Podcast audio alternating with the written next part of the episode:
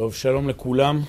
אה, אנחנו בשיעור מספר 13 של אה, סדרת יסודות האמונה. אה, הסדרה הזו, אני מזכיר שוב, עניינה לתת איזשהו מבנה שיטתי על עולם האמונה היהודי, אלוהים, אמונה, תורה ומצוות. אני רוצה רק, לפני שאנחנו מתחילים את הפסקה של היום, לעשות בזריזות מה שראינו עד עכשיו. אמרנו שאנחנו מנסים לבנות את השלבים הראשונים בתהליך הזה על מאמר שנקרא מאמר איסורים ממרקים, שנמצא בספר אורות של הרב קוק, שמה שראינו עד כה זה דבר ראשון, הבנה, אה, לא הייתי אומר מחודשת, אלא הבנה עמוקה יותר של המושג הזה, אלוהים. אם עד כה אה, אלוהים נתפס כאיזשהו ישות, איזה כוח חיצוני לחיים, מחדש לנו הרב קוק שאלוהות בעומק הדברים זה אותה שלמות אינסוף, גדולת שלמות אינסוף, שמופיעה בתוך החיים עצמם, וממילא האמונה באלוהים זה לא להאמין באיזשהו שכנוע שכלי או רגשי שהכוח הזה קיים, אלא אמונה מלשון המילה אמן, מלשון המילה קיום, זאת אומרת לחיות את השלמות אינסוף, לחיות ולהופיע יותר ויותר את החיים. ו... כל הגדרה באלוהות, כאשר אדם הוא מגשים את אלוהים, זאת אומרת, הוא מנסה לצייר איזשהו ישות, איזשהו גוף, איזשהו כוח, הדבר הזה הוא הגשמה, באמת, הוא יוצר באדם חוסר יכולת להתקדם. הוא מונע מהאדם להופיע יותר ויותר את החיים ועוצר אותם, מה שקראנו בלשון כפירה, מלשון המילה כפור או כופר, זפת, משהו שאוטם את האדם מלהתקדם הלאה. לאחר מכן דיברנו על ההשלכות שיש לתפיסה הזו. הסברנו שהתפיסה הזו זה לא רק איזשהו פלסוף, אלא יש לזה השלכות מאוד מאוד קיומיות. כאשר התפיסה, ולצערנו זה היום התפיסה העולמית, שאלוהים זה כוח חיצוני לחיים, ממילא אלוהים והעולם נתפסים כשני דברים סותרים. האדם בעצם נאלץ לבחור האם הוא משעבד את חייו לכוח חיצוני, וממילא הוא צריך פחות ופחות לחיות בעולם הזה, יותר להתמסר, להתנתק מהעולם הזה ולהתמסר למימד הרוחני, או לחילופין לבחור בעולם הזה ולעזוב את אלוהים, ללכת ולהתבוסס רק בכאן ובעכשיו, בעולם החומרי, במציאות הרגעית. ודיברנו על כך שכאשר זה הבחירה שעומד בפני האדם, אז האנושות מתחלקת לשניים, לדתיים ולחילונים. דתיים, אותם אלה שמוכנים להתמסר, להקריב את העולם הזה בשביל אותו כוח חיצוני, או לחילופין, אותם אנשים שאומרים, אנחנו מעדיפים לחיות את ה-70, 80, 90 שנה שיש לנו פה בנחת, ולא להיות משועבדים למשהו שכופה עלינו דברים שהם מנוגדים לטבע ולחיים. ואז אמרנו, מה ההשלכות הן? ההשלכות הן לשני הצדדים. מצד אחד, כאשר העולם, וזה רוב העולם היום, נתפס לתפיסה החילונית, זאת אומרת ש... אין משהו מעבר לקיום העכשווי, אין מציאות שהיא מעבר לעולם הזה, הכל זה רק עולם חומרי מיידי. באיזשהו שלב הדבר הזה גורם להתמוטטות לא רק של העולם הרוחני, אלא גם של העולם החומרי. כי ברגע שאין אלוהים, בעומק הדברים, אין ערכים לשום דבר. אין מוחלטות, שום דבר. אין לו ערך ודאי, ואז לאט לאט גם הערכים הבסיסיים ביותר של החברה הולכים ומתמוטטים.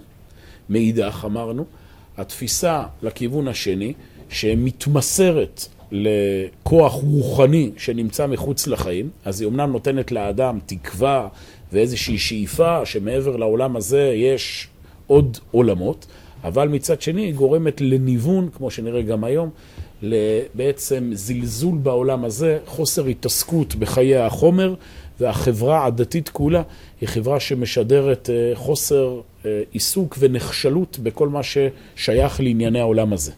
לעומת זאת, התפיסה האמונית שהרב קוק מדבר עליה, ובעומק הדברים זה כל תורת הסוד של עם ישראל, זה ההבנה שהחיים הם אומנם נמצאים כאן ועכשיו, אבל הם ביטוי למשהו שהוא מעבר לחיים.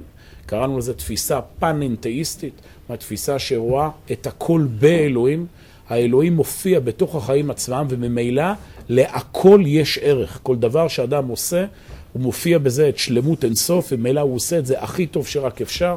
קראנו את הפסקה המאוד מאוד חשובה של הרב קוק בספר מוסר אביך, ב' ב', שאומר הרב קוק, בכל דרכיך דאהו, על המשנה במסכת אבות, בכל דרכיך דאהו, כשאדם פועל פעולה של שלמות, כשאדם עושה פעולה איכותית, צריך לשמוח בחלקו ולא לרדוף אז אחרי דבר אחר, כי כל העולם כולו מתקפל לפניו בפרט זה.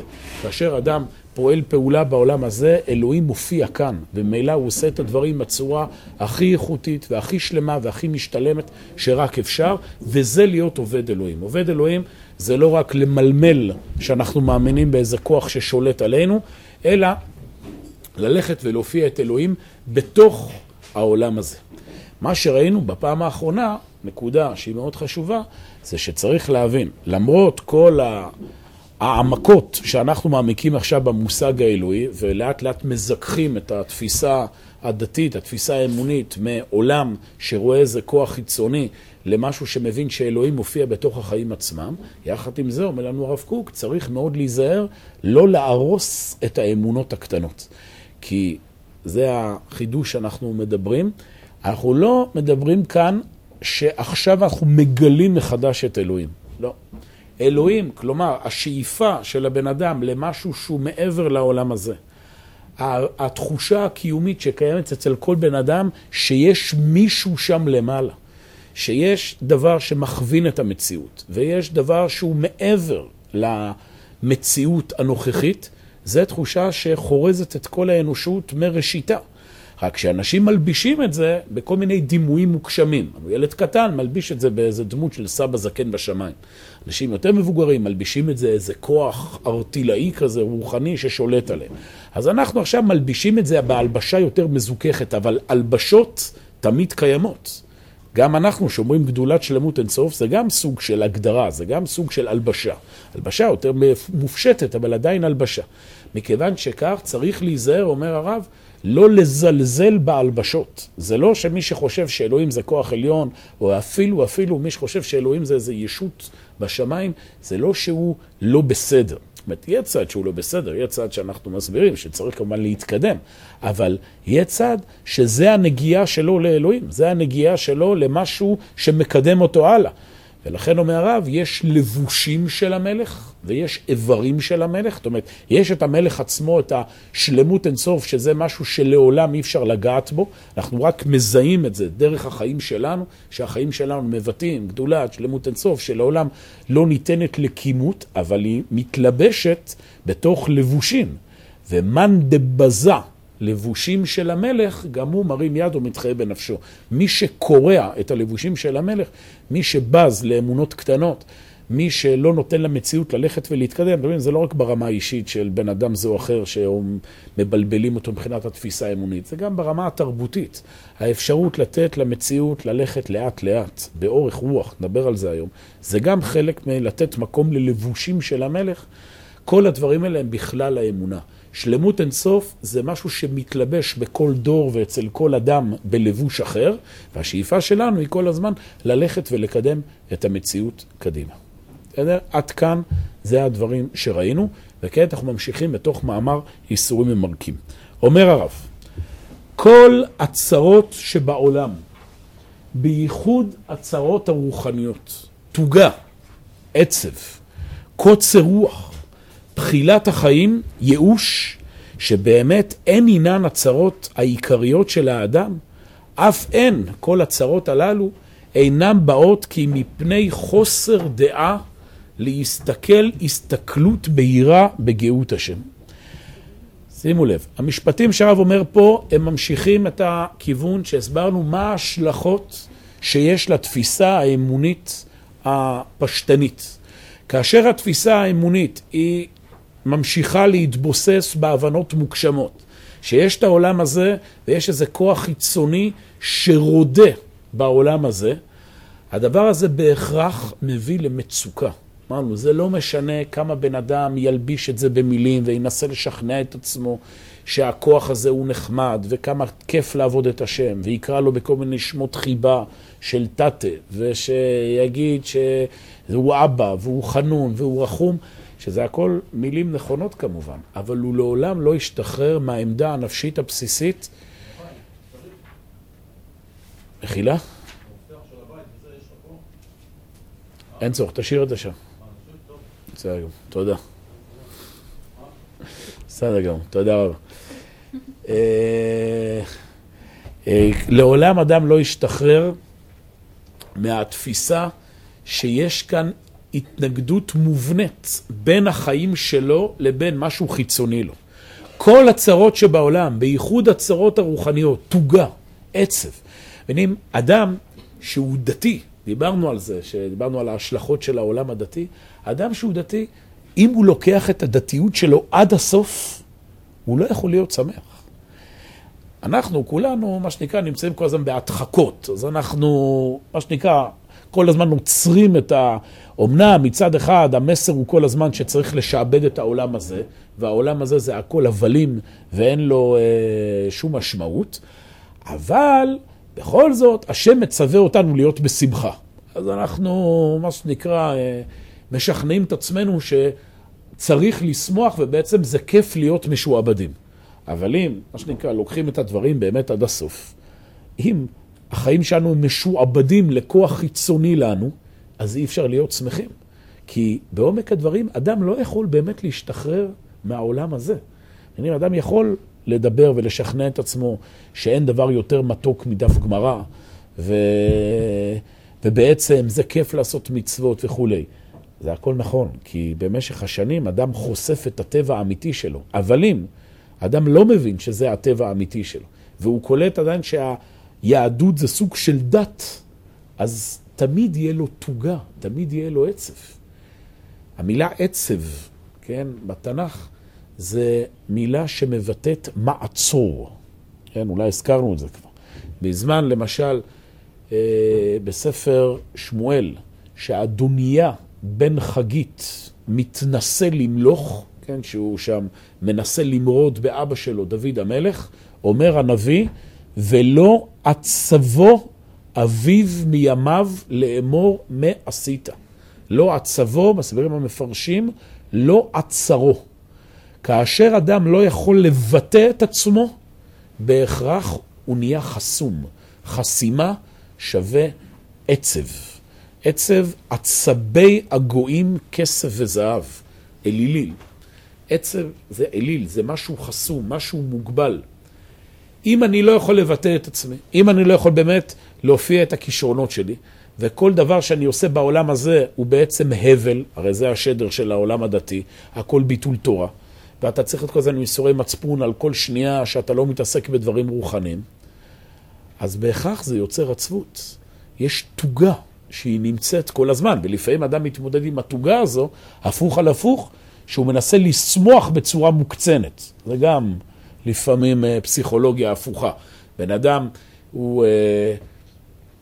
הוא אומר, מצד אחד הוא מרגיש לא טוב, כי כל החיים שלו הם נדרסים בידי הכוח העליון בשמיים. מצד שני, כתוב, עבדו את השם בשמחה. אז מה עושים? מנסים לרקוד, מנסים אה, לשיר, מנסים ליצור כל מיני תגובות, לפעמים יותר קיצוניות מהרגיל, כדי לשכנע את כולם, ובעיקר את עצמי, שאני כן שמח. אדם שהוא שלם עם עצמו והוא מופיע את החיים שלו, הוא לא צריך להחצין יותר מדי את זה שהוא שמח. הוא לא צריך כל היום להסתובב עם פרצוף, עם חיוך כדי לספר לכולם שהוא שמח. הוא אדם שמלא באושר פנימי, כי הוא חי את מה שהוא צריך לחיות, והוא מחובר לשלמות אינסוף, ובוודאי שזה גם בא לידי ביטוי בזה שהוא מחייך. אבל העמדה הנפשית הבסיסית שלו היא עמדה של אושר פנימי. אבל כאשר העמדה הנפשית הבסיסית היא שיש פה כל הזמן משהו שמתנגש בתוכי, אני כל הזמן נמצא במלחמה, ושוב, ככה מבינים, היום נדבר על זה, כל מיני ביטויי חז"ל שאומרים, מלחמה לאדם פנים ומאחור, אדם כל הזמן נמצא במאבק מול העולם הזה, כל העולם הזה הוא פיתוי, ככה זה התפיסה הדתית, העולם הזה הוא כולו רק פיתויים של היצר הרע. אז בן אדם שכל החיים נלחם בעצמו, הוא לא יכול להיות מאושר, ברור שהוא נמצא בעצב. הוא... נמצא בתוגה.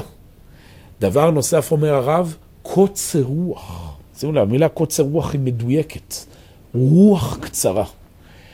תנסו להיכנס, מה שנקרא, לראש המופשט של הרב קוק.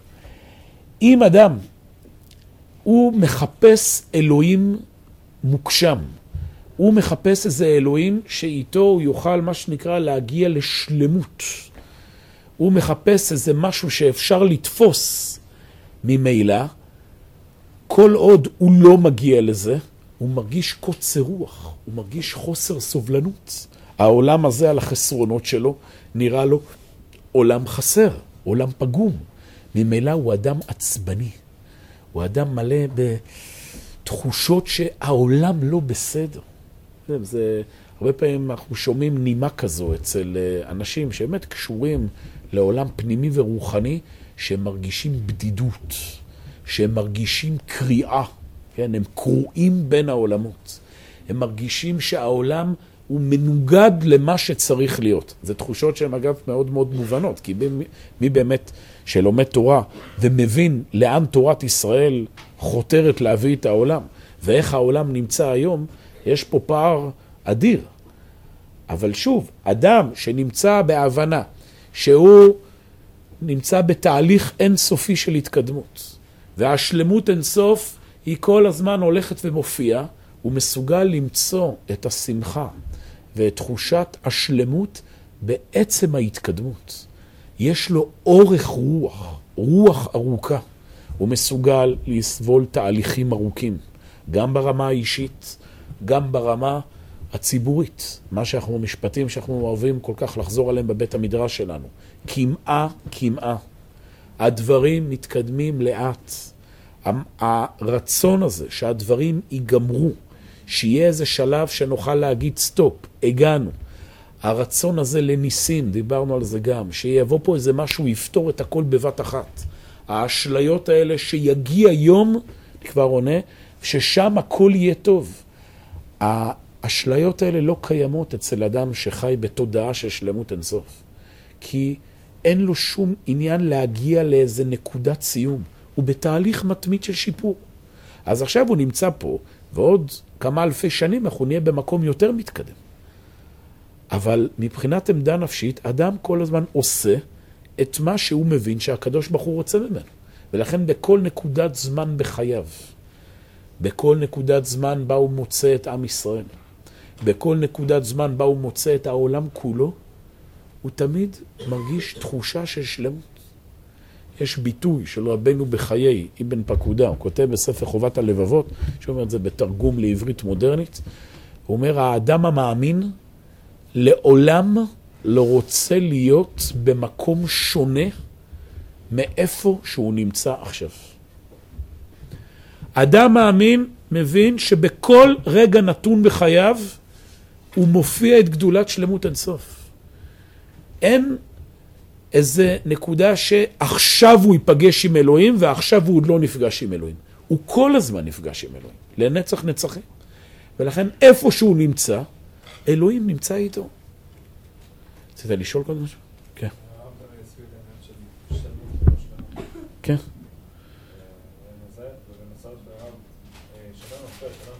כן.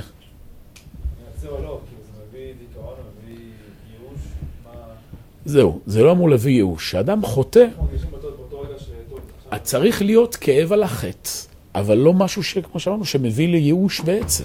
אדם חטא, אדם נכשל, בסדר, בציר האינסופי של ההתקדמות יש גם uh, ירידות ויש uh, נפילות, אבל גם בזמן הנפילה שום דבר לא אבוד.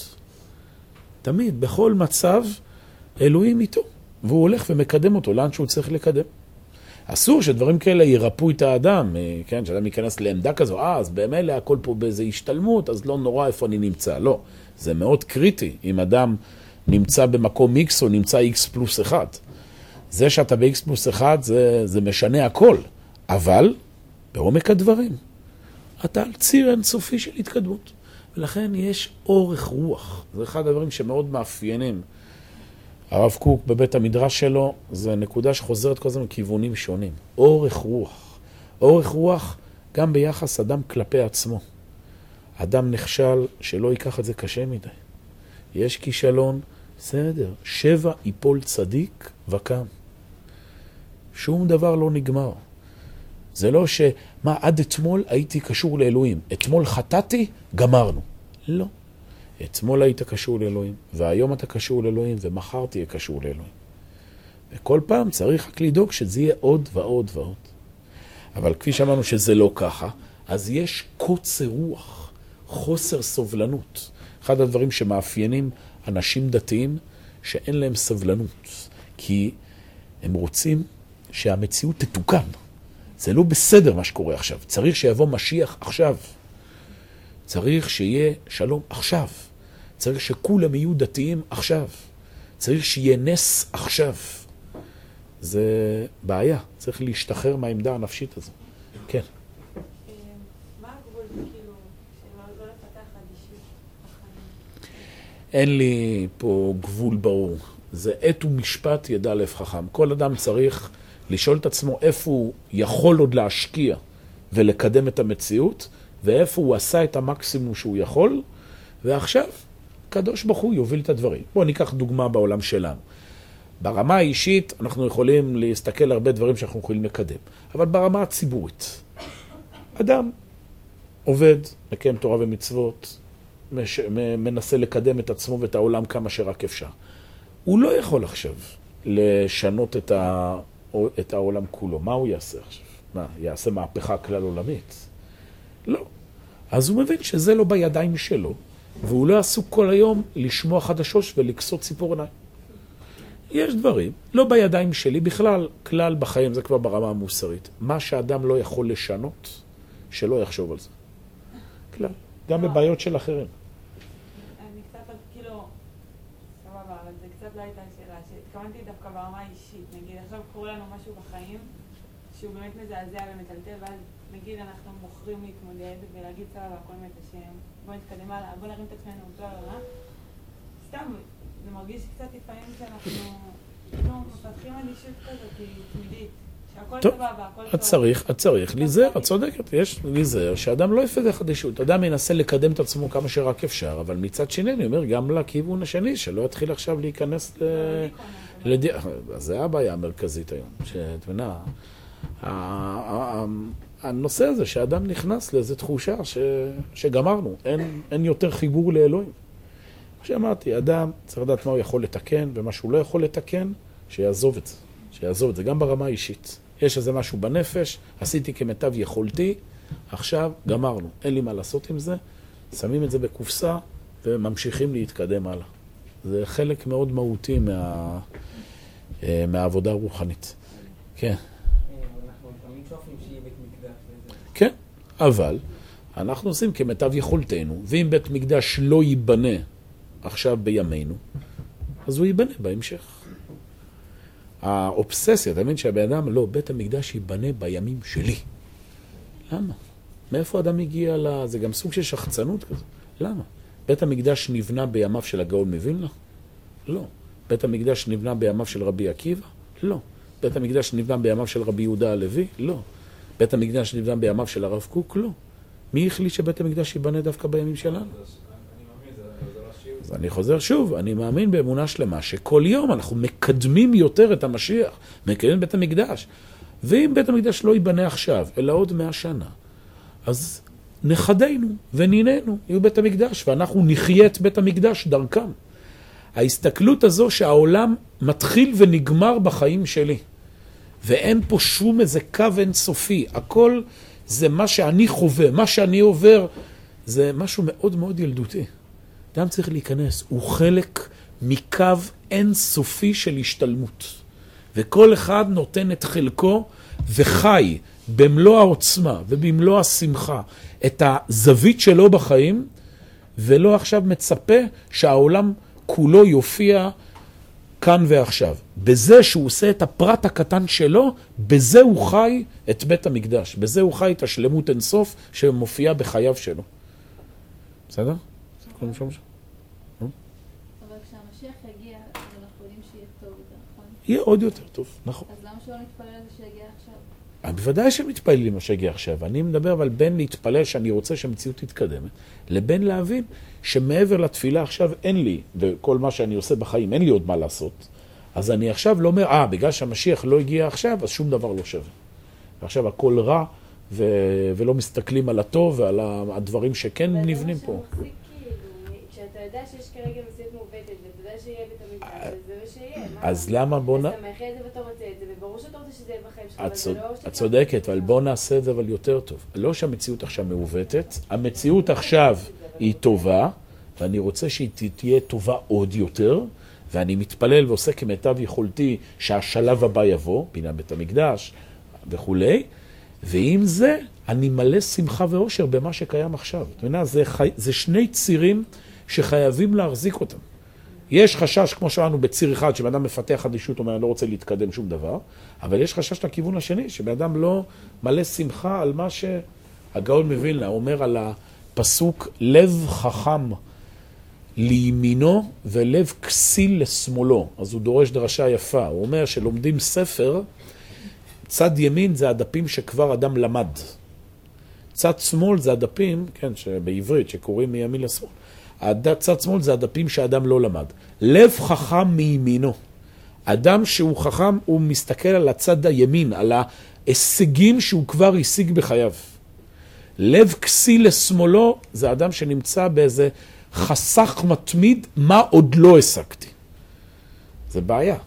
שוב, אדם צריך להיות כל הזמן עם שאיפה להתקדם עוד. אבל זה צריך להיות שאיפה, לא פרפקציוניזם, שעכשיו עוד לא הגיע השלב הבא, אז עכשיו אני מתוסכל מהשלב הזה. שמח בחור בילדותך. גאון מווילנה. שמח בחור בילדותך, ודע, כי על הכל יביאך אלוהים למשפט. שמח בחור. תשמח בבחרות, בעוצמה של החיים כמו שהיא, ותדע שעל הכל יביאך אלוהים למשפט, שהכל, בתנאי שזה מוכוון אל האמת האלוהית. שהאדם עושה את מה שהוא צריך לעשות, על פי תורה ועל פי שכל. הוא למד דברים, והוא הגיע למסקנה שהוא צריך לעשות עכשיו משהו מסוים, זהו. אלוהים פה, שישמח בזה, יתעסק בזה, ויפסיק עכשיו לדמיין איך הוא מנהל את העולם ומה יקרה עוד מיליון שנה. שיתמקד במה שקורה עכשיו. זה הכל. ויתמלא באושר וסיפוק ושמחה ככל הניתן בתוך המציאות הנוכחית. וזה מה שיקדם אותו לשלב הבא. הדמיונות והתסכולים והאם ומה יהיה ואילו וכולי, זה לא מקדם לשום מקום. מקדם לשום מקום. אני חוזר בדברים של הרב. כל הצרות שבעולם, בייחוד הצרות הרוחניות, תוגה, תוגה, סליחה, קוצר רוח, בחילת החיים. שוב, התחושה הזו שהחיים הם מסע. עוד פעם, כאשר התפיסה הזו שאלוהים נמצא למעלה, החיים זה סבל מתמשך.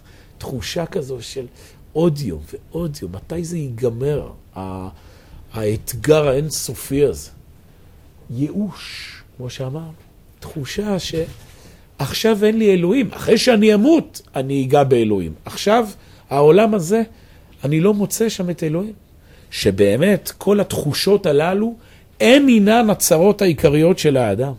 זה הבעיות המרכזיות שמקיפות את המין האנושי. אף הן אינן באות כי מפני חוסר דעה להסתכל הסתכלות בהירה בגאות השם. שימו לב, מושג חדש הרב קוק מחדש לנו. גאות השם. גאות זה משהו שמבטא משהו גבוה, עוצמתי. יש גאות הים. יש הים, הגלים גבוהים. אדם מסתכל בעוצמה האלוהית. שוב, יש תפיסה שמסתכלים על השם בצורה הנמוכה. שוב, איזה משהו חיצוני כזה שרודה ומועך אותנו. ויש מצב להביט על הקדוש ברוך הוא כנקודת שלמות אינסוף שמחיה את החיים שלנו, וזה נותן לבן אדם תחושה של גאות. יש כאן כוח. יש כאן משהו שמחיה אותי. השם מלאך גאות לבש. שיש מלוכה, שיש הבנה שהעולם הזה הוא לא הפקר, שכל הפרטים בעולם הזה הם שייכים לכיוון מסוים. זה הרעיון של מלוכה. השם מלך, השם מלאך, השם ימלוך לעולם ועד. אנחנו אומרים בתפילת שחרית בבוקר פעמיים את הפסוק הזה בעמידה. אומר המדרש כי המלאכים עומדים כל בוקר, עומדים ואומרים את הפסוק, השם מלך, השם מלאך, השם ימלוך לעולם ועד. השם מלך, השם מלאך, השם ימלוך לעולם ועד. כלומר, אדם שהוא פותח את היום, הוא הכוחות הרוחניים עומדים. הם אלה שמרוממים את המציאות ומכריזים, יש פה מלוכה, בעבר, בהווה ובעתיד. יש קו שחורז את כל המציאות, וזה נותן גאות לבש. השם מתלבש בגאות, במשהו מלא חיים, מלא עוצמה, כמו ים שהולך וקוצף. השם מלאך גאות לבש, לבש השם עוז התעזר, העוז, העוצמה, השם נעזר, מתחמש בעוז, עוז התעזר, אף תיכון תבל בל תימות. התבל, המציאות, היא עומדת על הכאן שלה, כאן שלה על היסוד שלה. בל תימות. שום דבר לא זז, שום דבר לא נמצא במקום שהוא לא צריך להיות. כל דבר בדיוק איפה שהוא צריך להיות. יש כזה, שכחתי איזה אמרה חסידית, שכחתי... אה, מי זה? בשם אחד מבעלי החסידות, שפעם היה איזה, לא יודע, שלושה רבנים, שלושה אדמו"רים, דנו ביניהם מה, מה צריך לשנות בעולמו של הקדוש ברוך הוא. אז הראשון בא ואמר, אני חושב שהיה צריך, אם הייתי יכול, הייתי מתפעל לקדוש ברוך הוא, שאני יודע מה יגרום, שבית המקדש ייבנה או משהו כזה. שאני אומר, אני אם הייתי יכול, הייתי מתפעל לקדוש ברוך הוא, שיגרום לכך שעם ישראל... השלישי אמר, אם הייתי יכול, הייתי מתפעל לקדוש ברוך הוא, שיישאר בדיוק כמו שזה עכשיו.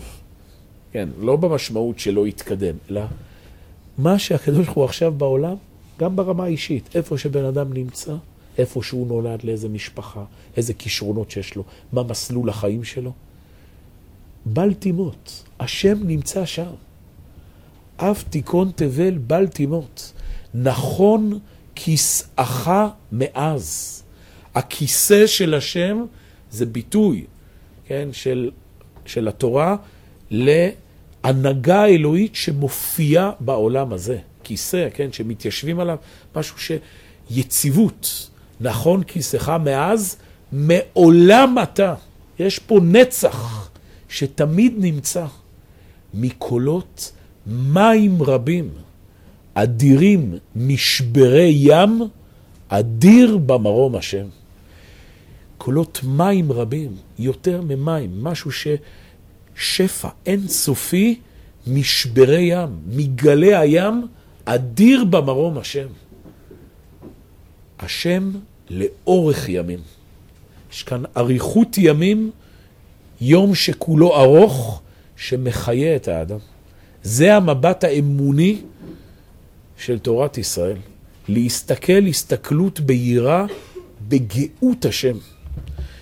אומר הרב, ההכנעה מפני האלוהות, שהיא דבר טבעי בכל נברא, בכל הוויה, הוויה זה מציאות, שפרטיות מתגלה בקרבה, להתבטל בפני הכללות, וקל וחומר להתבטל בפני מקור ההוויה של הכללות, שהוא חש בו עליונות של אין קץ לגבי הכללות, כן, זה כל משפט אחד, כל זה, ההכנעה הזו, לא צער ודכדוך יש בה, כי אם עונג וקוממיות, שלטון וגבורה פנימית מאותרת בכל יופי.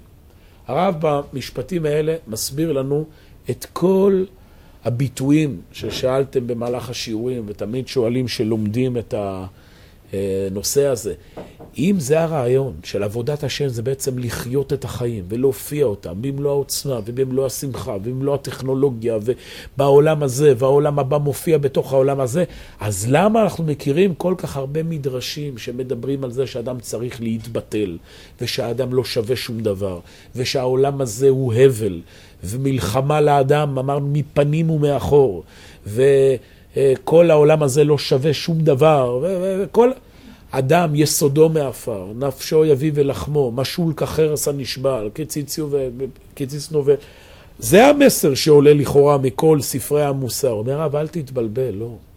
כל המשפטים האלה לא באים להגיד לך שאתה אפס, במשמעות שאין לך משמעות, שהחיים הם חסרי חשיבות, והתפקיד זה רק להסתובב פה כמו איזה זומבי במשך 80 שנה, לא לשמוח, לא ליהנות, לא, ל, לא ל, לא ליצור שום דבר, לא לבנות, ורק לנסות לחטוא כמה שפחות, ואז להיגאל ולהגיע אל העולם האמיתי. לא. כל הביטויים האלה באים להגיד שבן אדם צריך ליצור הכנעה בפני אלוהות. הכנעה בפני אלוהות זה לא הכוונה היא אפסות, ביטול שלי, אלא במילה שהיום אנחנו משתמשים כדי לבטא את הרעיון של חכמים, זה היפתחות. כל המשפטים האלה באים להגיד לבן אדם, אל תתקבע במה שיש, תיפתח לזה שיש עוד. אדם יסודו מעפר. אם אתה לוקח את האדמיות שלך ורואה בה משהו בפני עצמו, מתקבע בהישגים, בתחושות, בזה, ונראה לך שזה מה שיש, משול כחרס הנשבר. אין לך שום משמעות. אבל אם אתה מבין שתפקידך כאדם זה להיות מחובר לשלמות אינסוף, ותחסרהו מעט מאלוהים, אומר דוד המלך. האדם הוא כמו אלוהים, כמעט כמו אלוהים. מתמלא בגבורה, מתמלא בעוצמה. המושג שכולנו מכירים אותו, שמופיע הרבה פעמים בחסידות וגם במקומות אחרים, התבטלות. התבטלות זה לא במשמעות שאנחנו מבינים היום. היום אנשים לוקחים את המילה התבטלות ומתרגמים אותה לתחושת אפסות של חוסר חשיבות. אתה כלום, אתה בטל. התבטלות, כמו שאמרנו, זה היפתחות. תבטל, תבטלי את הצדדים הגסים, את הצדדים הנמוכים, ותיפתחו לזה שיש עומק עוד יותר גדול. ההכנעה בפני האלוהות, זה שהאדם מרגיש הכנעה בפני הגודל, שהיא דבר טבעי בכל נברא, בכל הוויה שפרטיות מתגלה בקרבה. כאשר אדם הוא ניצב מול גודל, הוא מרגיש תחושה של ביטול. מה זה תחושה של ביטול? לא תחושה שאני לא שווה שום דבר. זה גם קורה, אבל זו תחושה לא טובה. אדם צריך להרגיש, וואו, יש כאן גודל שאני חלק ממנו. זה שאנחנו עכשיו יוצאים ורואים את מרחבי השמיים. אדם רואה את הכוכבים. אדם מסתכל על נוף מרהיב, ורואה עכשיו מרחבים של ים. הוא מת, אמור להתמלא בתחושה של שגב, לא בתחושה של, בוא'נה, אני כלום, לא שווה שום דבר, בוא נתאבד. לא. אדם רואה את הכוכבים ואומר, יש פה יקום אינסופי, אלוהות אינסופית, מרחבים שלא נגמרים. ואני בחיים שלי מופיע ניצוץ מהדבר הזה. ככל שהמרחבים יותר גדולים, ככה אני יותר גדול. ככה העוצמה שנמצאת בי היא יותר רחבה. ואז הביטול רק ממלא את האדם בכוח, רק ממלא את האדם בעוצמה. האדם, כל מציאות של פרטיות מתגלה, מתגלה בקרבה להתבטל בפני הכללות, וקל וחומר שהאדם מתבטל בפני מקור ההוויה של הכללות. זה מה שאנחנו עושים שלוש פעמים ביום בתפילה. שאדם מתפלל, דע לפני מי אתה עומד. כל פעם תפנים, תפנימי. את נמצאת, אתה נמצא מול גודל, מול משהו שלא נגמר לעולם. והאדם חש בכללות הזו עליונות של אין קץ לגבי הכללות. יש פה כלליות, משהו שמכיל את הכל. ההכנעה הזו לא צער ודכדוך יש בה, אלא בדיוק הפוך. עונג. עונג זה תחושת הזדהות. קוממיות זה קומה זקופה. משהו, שוב, מלא גבורה. שלטון וגבורה פנימית מאותרת בכל יופי. זה הגישה האמונית. הכל יפה בעולם הזה. עם תחושת היופי, זה גם דוגמה לזה. חשבתם פעם, מתי אנחנו מרגישים שמשהו יפה? נו, שאלה. מתי משהו יפה בעינינו? מתי משהו מוצא חן, זה מילה אחרת. מתי אנחנו מרגישים מציאת חן? אה? קרוב? לא יודע אם זה בדיוק הגישה, לא יודע. עכשיו הדבר הזה... הכל נכון, אבל אתם לא אומרות את המילה. זה, מתי משהו, אני מרגיש שהוא... נוגע בנו. הרמוני, או, זו המילה שחיפשנו. בדיוק. כאשר בדיוק מרגישים סוג של הרמוניה, סוג של שלמות. אדם מסתכל על הטבע והוא רואה פה משהו שמסתדר. יש פה הרבה פרטים שמסתדרים לאיזה תמונה אחת שלמה. אדם מביט על איזו יצירת אומנות ורואה ביופי. אדם מסתכל עכשיו על דבר שהוא רואה בו צד פנימי, לא יודע, הילדים שלו, הם יפים בעיניו. יש כאן משהו שמחבר את האדם, יש כאן גודל שהוא מסתדר, שהוא חלק מההרמוניה הכללית של העולם. לכן בית המקדש הוא המקום היפה ביותר בעולם. נויו של עולם. עשרה קבים של יופי ירדו לעולם, תשעה נטלה ירושלים, אחד העולם כולו. היופי מופיע בתוך העולם הזה. שוב, הגאון מווילנה אומר על הפסוק בספר משלי, שקר החן והבל היופי, אישה יראת השם היא תתעלל. בדרך כלל איך מבינים את הפסוק הזה? שקר החן והבל היופי, הצדדים החיצוניים, האסתטיים, הם חסרי חשיבות. מה שחשוב זה יראת השם. הצד הפנימי, הרוחני, זה מה שחשוב. גאון מווילנה אומר לא. הוא מוסיף על הפסוק, הוא אומר, שקר החן והבל היופי, אישה יראת השם היא תתעלל, במה? אומר הגאון מווילנה? בחן וביופי. שאין יראת השם, שקר החן והבל היופי. העולם הזה הוא חסר משמעות. אבל שיש יראת השם, יש חן ויש יופי. העולם הפנימי הולך ומתראה בצורה חיצונית כלפי חוץ. האדם המאמין זה האדם שרואה את היופי בעולם הזה. הרב, אז איך אתה מסביר אה, כל הסטלנים למיניהם שממש אוהבים את הטבע ומתחברים לזה ומדברים על הטבע כאיזו פליאה מטורפת זה נקודה, בצד הזה הם צודקים, זה שהם לוקחים עכשיו את זה, שבגלל שהם מתלהבים מהטבע, אז עכשיו לא צריך לקדם את העולם ולא צריך לשפר, וצריך עכשיו לשבת ומה שנקרא, להיות סטלן. את צודקת, אז זה הנקודה השלילית, אבל זה שבן אדם מרגיש חיבור לטבע, זה דבר חיובי מאוד. זה שבן אדם מרגיש חיבור לאנשים. לא, אבל הרב אמר בדיוק לפני רגע שכאילו אה, העולם הוא חסר משמעות. אם אין נראה- יותר... את צודקת, אז אה, במקרה הזה, באמת הרבה פעמים הטבע הזה יוביל אותם בסוף לכלום. נכון? אבל אם אדם מזהה יראת השם, שלום יראת השם זה לא רק במשמעות הדתית, זה יותר מזה, אדם מזהה פה איזה משהו הרמוני, זה גם משהו שיכול להוביל אותו לדברים חיוביים, לא סתם אבותינו היו רועי צאן. מסתובבים במרחבים. מה שאנחנו היום כבר פחות, אה, פחות אה, נוגעים בדבר הזה. אבל זה לא, זה לא, רק, זה לא רק טבע אה, במשמעות הזו, זה גם, יודע, גם זה שבן אדם מסוגל למשל לראות את היופי בחברה אנושית, להסתדר עם אנשים, זה קשור לזה. האדם שהוא דתי, הוא, הוא אנטיפט, כי, כי זה ביטול תורה לדבר עם אנשים, לא, נכון? זה, זה חבל על הזמן. האדם צריך לשבת כל יום ללמוד תורה, כל שנייה שמדברים זה... זה בכלל, חברה יכולה להביא את הבן אדם, נכון? ל- ל- לשון הרע ולזה, ועדיף להתבודד במדברות, כמו שאומר שם הרמב"ם, הנזירים. להתלבט במדברות ולהתרחק מחברה בני אדם. זו התפיסה הדתית הנוצרית הקלאסית. בעם ישראל זה לא עובד ככה.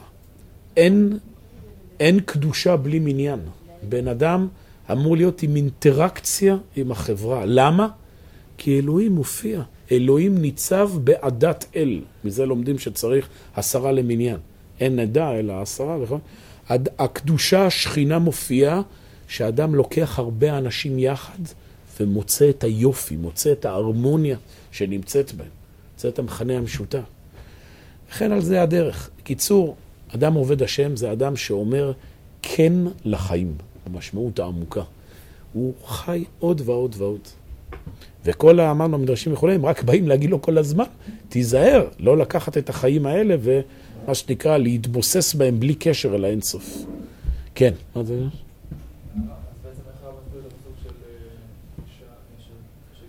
שקר החן והבל היופי, כי כאשר אין יראת השם, אז באמת שקר החן והבל היופי, אבל שיש אישה יראת השם, היא תתעלל בחן וביופי. יראו את היופי והחן, החן זה היופי הפנימי, יראו אותו בחוץ. מבין, זה הרעיון. זה לא... זה... מה זה? כן, ותשים לב שבתנ"ך למשל, כל פעם שמדברים על האבות, האבות והאימהות, מספרים שהם היו יפים. נכון? רבקה, הנערה, טובת תואר מאוד. רחל הייתה יפת תואר, יפת מראה. שרה, אומר לאברהם, הננה ידעתי כי אישה יפת מראה. יוסף, יפה תואר ויפה מראה. דוד, אדמוני עם יפה עיניים. מאוד חשוב שהם יפים, כי הם חיים את הקדושה, אז הקדושה מופיעה בחוץ. זה גם החיצוני וגם פנימי? בוודאי. כאשר עם ישראל לא נמצא בארצו ויש גלות, אז באמת יש מושג שכל מה שהוסיף הגוף בניין, הוסיף השכל חורבן, ואז דווקא הקדושה לפעמים היא נמצאת, אומר הרמב"ם, כל החרב מחברו, קדוש מחברו. זאת אומרת, כל שדבר הוא יותר חרב, אז יש בו יותר קדושה. אבל זה במצב לא אידיאלי. במצב האידיאלי, כמו שאמר, נויו של עולם. יפה. כשמתפתחת, שימו לב, אומר הרב, כשמתפתחת ההכרה הזו של גאות השם בקרב הנשמה, ככל שהאדם מפתח מתוך הכרה, מתוך לימוד, את התפיסה הזו של גאות השם, אמרנו שיש עוצמה שמופיעה אינסופית בתוך חייו, היא מרצה את החיים בשעבודם הטבעי. תראו, זה צמד מילים מקסים של הרב קוק. שעבוד טבעי. זה, ה... זה השעבוד. שעבוד טבעי, שוב, זה ה... אתה משתעבד, זאת אומרת, אתה... שעבוד במשמעות של אני מכפיף את המציאות הגסה למשהו גדול יותר, וזה חושף את הטבע הפנימי. אני עבדך, בן אמתך, פיתחת למוסרי. או הדברים של רבי יהודה הלוי, עבדי הזמן, עבדי עבדים הם. עבד השם הוא לבדו חופשי. יש פיוט גם של רבי יהודה הלוי. בכלל אני ממליץ לכם מאוד ללמוד את שירי רבי יהודה הלוי. את שירי רבי יהודה הלוי זה לימוד, זה לא ספר שירים, זה ספר שלומדים אותו. כותב רבי יהודה הלוי בפיוט, שכחתי איך קוראים לפיוט, בהתקרב... סליחה, בהתרחקי ממך מותי בחיי. בהתקרבי אליך חיי במותי. כשאדם מתרחק, כשאני מתרחק מאלוהים, מותי בחיי. אני חי, אבל אני בעצם מת. הכל קפוא, הכל חסר משמעות. כשאני מתקרב אליך, חיי במותי. צדיקים, גם במותם קרויים חיים. אין מוות. אדם חי לנצח. אדם נמצא בשעבוד טבעי. הוא מתבטל אל האין סוף, וממילא הוא שייך עכשיו לאותה שלמות שכל הזמן הולכת ומופיעה. עוד ועוד ועוד. ואז זה ממלא את החיים נחת וחיים לפי אותה המידה שהפרט מכיר את גודל הכלל והדר מקורו. ככל שהפרט מבין שהוא חלק ממשהו גדול אינסופי, ככה הוא מתמלא בעוצמה. המשל. שתמיד אנחנו מביאים אותו, כמו אצבע ביחס לגוף. אם האצבע רוצה להופיע את האצבעיות שלה, מה היא צריכה לעשות? היא צריכה לתת לעורקים להזרים דם מהלב. ככל שהעורק יזרים דם יותר בטבעיות, בלי מעצור, בעוצמה יותר גדולה לאצבע, האצבע יותר תחוש את האצבעיות שלה. היא תופיע יותר את החיים שלה. אם האצבע מנסה להתנתק מהגוף, היא מתה. זה הרעיון של הענווה, של ההתבטלות. אדם מתחבר למקור החיים. ואז ממילא אתם גם מבינים עוד השלכה שיש לזה, שהאדם למשל, כל הנושא של תחרותיות, הוא יורד מהפרק. מתי אדם נמצא בתחרותיות ובמלחמה עם האחרים? כאשר הוא תופס את עצמו כמשהו נפרד. כל אצבע חושבת שהיא עומדת בפני עצמה, אז... אבל אם אדם מבין שכל החיים שלו זה בקישור אל האורגן האינסופי, אל האלוהות שמופיעה בכל החיים, ממילא לאצבע אין קנאה. אה, אני אצבע ואת זרץ. לא, זה אצבע וזה זרץ. כל אחת מופיעה את מה שהיא צריכה להופיע, ולהפך, זה שהזרת היא זרת, זה עוזר לאצבע להיות אצבע, וזה שהאצבע היא אצבע, זה עוזר לזרת להיות זרת. יש פה מכלול שהכל משלים אחד את השני. זה גם קשור ביחס בין ישראל לעמים. שוב, מי שלא לומד את הרעיונות האלה, אז הוא, כשהוא לומד את התורה, ובתורה כל הזמן כתוב, הנה, קראנו בפרשה, ונפלנו אני ועמך מכל העם אשר על פני האדמה. נכון? משמע שהיהדות היא סוג של גזענות. אנחנו טובים וכל האחרים לא בסדר. שוב, זה חוסר הבנה. לא. לא שעם ישראל הוא טוב וכל האחרים לא טובים. הכל זה מכלול אחד. הכל מופיע את גדולת שלמות אינסוף. כשאומרים משפטים כאלה, שנפלנו אני ועמך, עם סגולה, מתכוונים להגיד שעם ישראל צריך לשמור את הייחודיות שלו. תדעו שיש לכם תפקיד חשוב במציאות, אתם לב, לא יודע איך, ש... איך שננסח את זה, אתם איבר החיוני לגוף, ולכן חשוב מאוד שאל ת... אל תבצעו תפקידים של אצבע, אלא תעשו את מה שאתם צריכים לעשות בתור לב. אבל זה לא שהלב לא רוצה שלא יהיה אצבעות. חלוקת תפקידים, אבל לכולם יש מקום. העולם כולו זה אורגן אחד גדול. גם בתוך עם ישראל, תפקידים שונים, לוויים, ישראלים, כהנים, גברים, נשים, ילדים, מבוגרים, תלמידי חכמים, אנשי מעשה, הכל. להכל יש מקום בעולמו של הקדוש ברוך הוא. לחי, לצומח, לדומם, לקוסמוס. עולם שלם שמופיע את שלמות אינסוף. שהאדם, ככל שאדם מבין את זה יותר, כל התחרויות, הקטנוניות, המאבקים, הם לא נמצאים אצלו. הוא לא שם בכלל. הוא לא שם. אין לו את ה... הוא לא בעמדה הזו. אתה עושה את שלך, אני עושה את שלי. אחד המרבה ואחד הממית, ובלבד שיכוון את ליבו לשמיים. בסדר? זה עולם שונה ממה שאנחנו רגילים לחיות.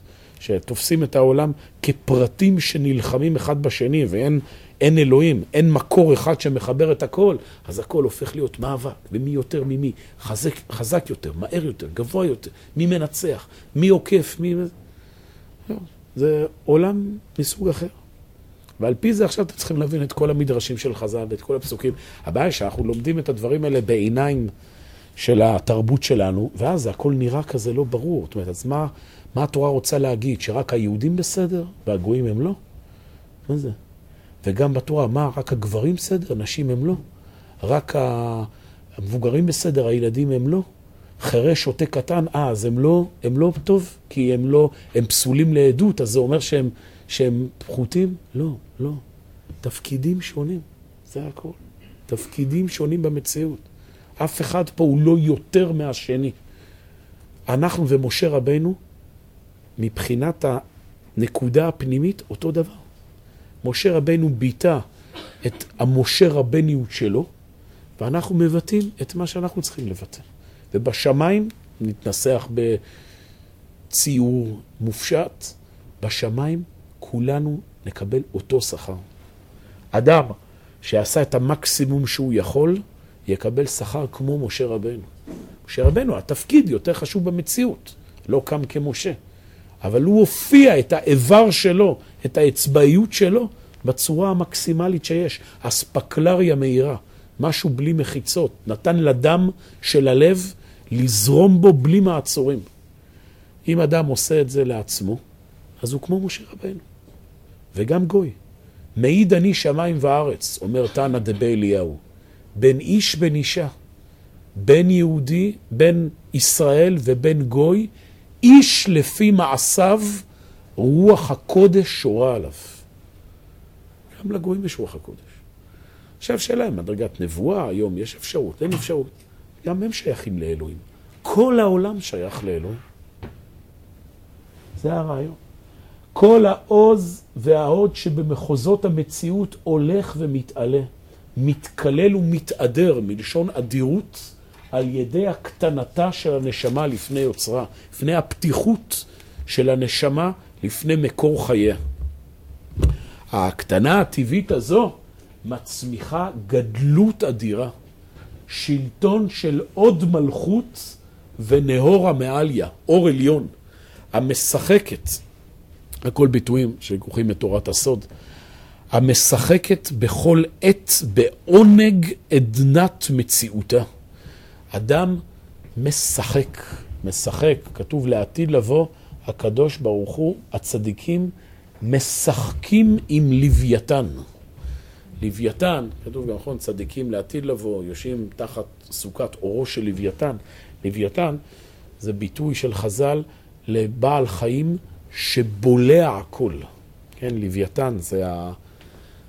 זה בעל חיים אימתני שהוא מכיל את הכל. לוויתן, אומרים המקובל...